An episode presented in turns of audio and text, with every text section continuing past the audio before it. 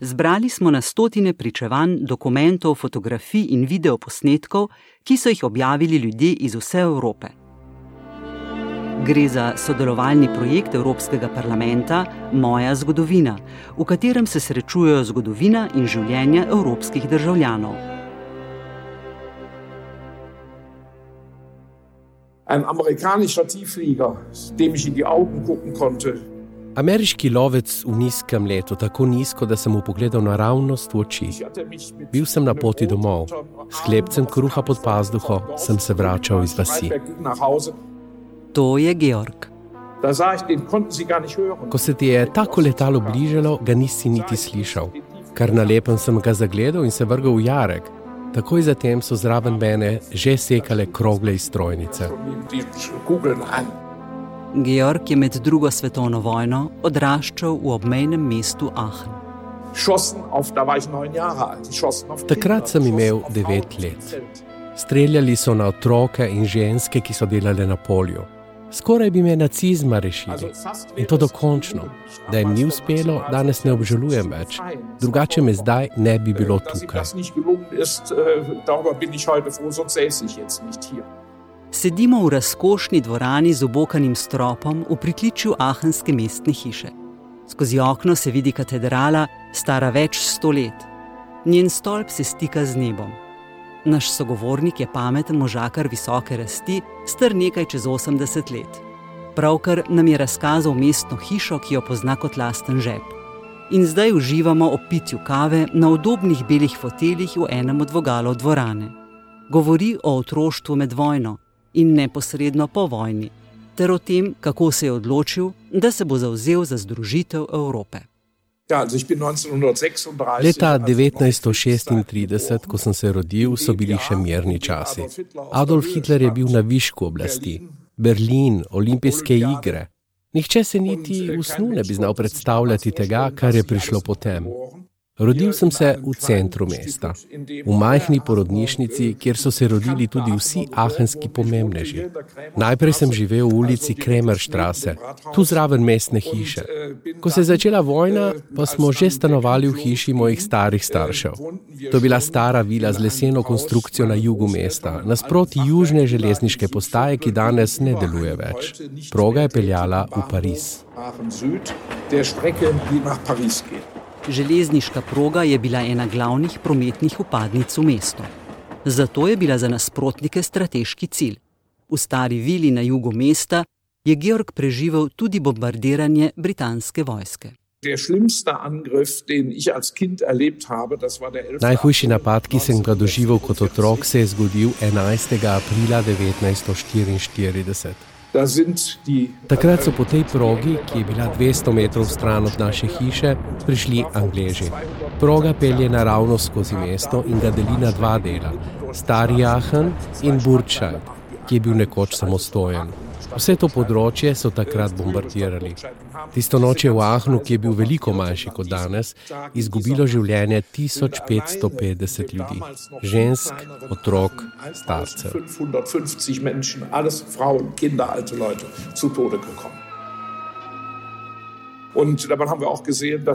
Videli smo, kako je bomba do temeljev zrušila sosednjo vilo. Pravi čudež je bil, da smo mi preživeli.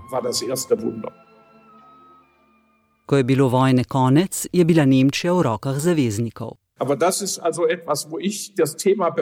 Osvoboditev sam razumem malo drugače.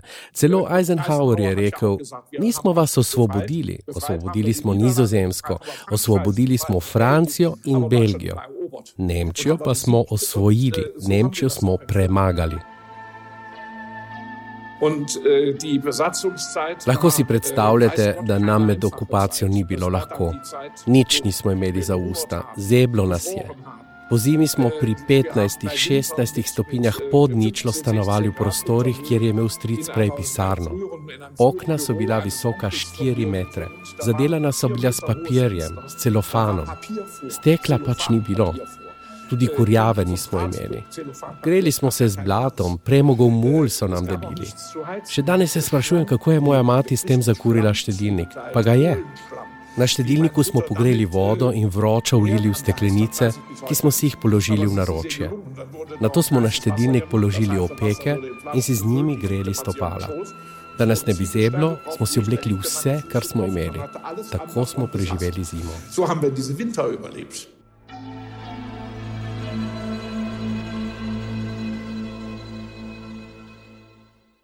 V Nemčiji se začenja obnova. S cest počasi izginjajo visoki kupi ruševin, na katerih se je Georg igral s prijatelji. Nemčija začne gospodarsko hitro napredovati. Politične spremembe tistega časa vzbudijo pri Georgu zanimanje.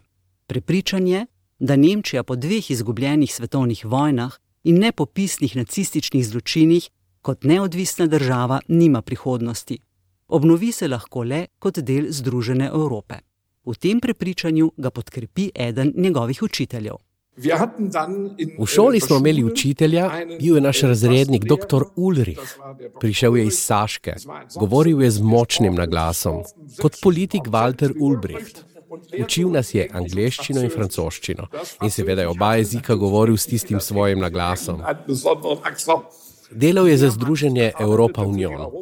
Z njim smo bili več čas aktivni. Tako nas je navdušil za Evropo, no, meni osebno ni bilo treba posebej navduševati. Kot mladostnik sem bil ob tej ideji ves v zanosu. To je bila naša edina možnost. Zastavo z veliko zeleno črko E na beli podlagi smo se vozili v druga mesta tu ob meji. Vals, Lichtenbusch in Kepfen. Dvigovali smo rampe, če se na drugi strani niso tako radi videli, ampak z nami so bili novinari in tako smo opozarjali na se. Bilo nas je kakšnih 100 ali 150. To so bili nekakšni petki za prihodnost tistih časov. Eh, bili smo predvsem otroci, mladi, šolari, ki smo to počeli. Pravzaprav so bile to dejaške demonstracije za Evropo. Dr. Ulrich naroči šolarjem naj zberejo podpise za peticijo, ki zahteva združitev Evrope. Največ jih zbere Georg in dobi nagrado sodeluje na podelitvi nagrade Karla Velikega. Prestižna nagrada je bila nekaj novega, spodbujala pa naj bi k Združeni Evropi. Za mladeniča njegovih let je bil to nepopisen dogodek. Nagrado Karla Velikega je prejel italijanski ministerski predsednik Alcide de Gasperi. Vsakoletna nagrada za posebne zasluge za združitev Evrope je bila italijanskemu predsedniku podeljena v zgodovinski cesarski dvorani. Po slovesni podelitvi sta se Gasperi in njegova žena podpisala v zlato knjigo mesta Aachen.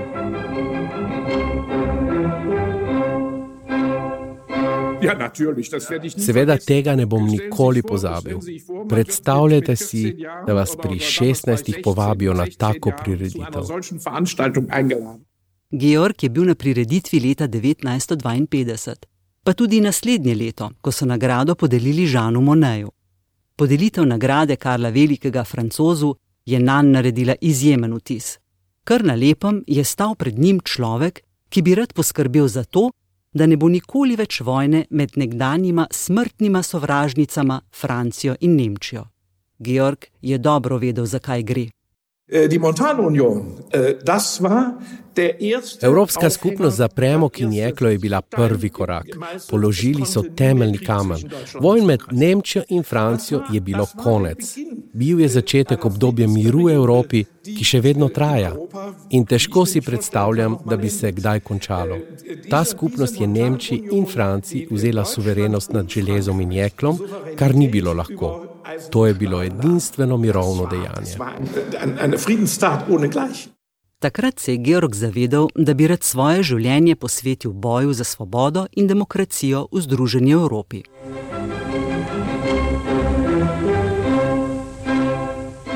V naslednjih letih je Georg zelo natančno spremljal vse, kar je bilo povezano z nagrado Karla Velikega. Njegov odnos do te nagrade je dobil novo razsežnost leta 1999, ko je bil imenovan v njen upravni odbor.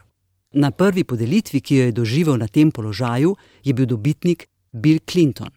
Clinton Clinton je bil živi mit. Ženske so Clintona oboževale. Kdor tega ni videl na lastne oči, si sploh ne more predstavljati, kako. Vse ženske, ne glede na starost, ne glede na položaj. Ko začne Georg pripovedovati o prijemnikih nagrade in vseh uglednih osebnostih, ki jih je srečal, ga ni mogoče več ustaviti. Oči mu žarijo, ko se spominja srečanj s princi, predsedniki in papeži. Ženo sva sedela v prvi vrsti, kar je bilo seveda zelo ugodno mesto. Na to so najprej pripeljali papeža v vozičku, tako rekoč čez najna stopala. In iskreno moram reči, da je imel ta možakar, ki ga je življenje težko zaznamovalo in se je komaj še držal po konci, tako auro, kot je ne začutiš pogosto ging eine Aura aus, wie man sie Und äh, es sind, es sind äh, sehr, sehr oft ist äh, Juan Carlos hier. In seveda sem se z mnogimi gosti tukaj pogovarjal, tudi nekdanjimi dobitniki nagrade Karla Velikega. Zelo pogosto je bil tukaj španski kralj Juan Carlos, svojo ženo Sofijo, izjemna ženska, ki se je tako rad spominjal. In danes redno spremljam njunega sina Filipa, ki pride skoraj na vsako podelitev. Flughafen ist, da kommt er dann an najbolj od vseh pa občuduje Brigitte Macron. Gospa Macron je izjemna ženska. Tako ljubezniva je, ko se pogovarja z ljudmi. In ko je bilo vsega konec, je šla v mesto po nakupih. Žal nisem mogel več z njo. Veselo se je sprehajala po mestu in nakupovala, kot da je to nekaj najbolj samoumevnega. Čudovito. Francozi bi rekli in merveille. Georg se rad ozira v svojo razgibano preteklost, a še ne razmišlja, da bi se poslovil. Prav nasprotno, že zdaj si razbija glavo s tem, kdo bo naslednji dobitnik nagrade in kakšna bo njena prihodnost. Nekaj je gotovo, ne glede na to, kdo bo naslednji dobitnik nagrade Karla Velikega, kdo bo povabljen v njegovo ljubljeno mesto ali kakšna bo naslednja anekdota v njegovi bogati zbirki. Zaustaviti Georga je vse prej kot lahko. Tudi v prihodnosti bo pripovedoval svoje zgodbe in se zauzemal za svoje vrednote. Še naprej bo po svoje prispeval k procesu združevanja Evropske unije, ki mu ni konca. Na koncu našega pogovora v Ahenski mestni hiši nam Georg deklamira odlomek iz enega svojih najljubših besedil. Obrazložitve za dobitnika nagrade Karla Velikega, Salvadorja de Madarjago, ki jo je napisal Hermann Hojš, eden od očetov nagrade. Hojš v njej navaja odlomek iz Madarjagovega portreta Evrope. Hier dröhnt das Gelächter eines Rabelais. Hier leuchtet das Lächeln eines Erasmus. Evropa je, kjer doni Rablejev smeh, kjer žari Erasmusov nasmešek, kjer se iskri Volterov duh. Na evropskem duhovnem nebu nas kot zvezde spremljajo ognjene Dantejeve, bistre Shakespearove in vedre Getejeve oči ter izmučene oči Dostojevskega. Večno se nam smehlja Mona Lisa. Michelangelo je za Evropo iz marmorja izklesal Mojzesa in Davida, Bahova fuga pa se v matematični harmoniji dviga v nebo. V Evropi si Hamlet razbija glavo nad skrivnostjo svojega oklevanja, Faust pa z dejanji beži pred mučnimi mislimi. Don Juan v vsaki ženski, ki jo sreča, išče edino, ki je nikoli ne najde, in Don Quixote se s ulico v roki podi po evropski državi, da bi se dokopal do više resnice. Toda Evropa, kjer sta Newton in Leibniz merila neskončno majhno in neskončno veliko, kjer naše katedrale po besedah Alfreda de Museja klečijo in molijo v svojih kamnitih haljah, kjer reke kot srebrne niti spajajo mesta, ki jih je čas uklesal v prostor kot bisere, ta Evropa se še ni rodila. Die die Arbeit der Zeit in das Kristall des Raumes meißelt. Dies Europa muss erst entstehen.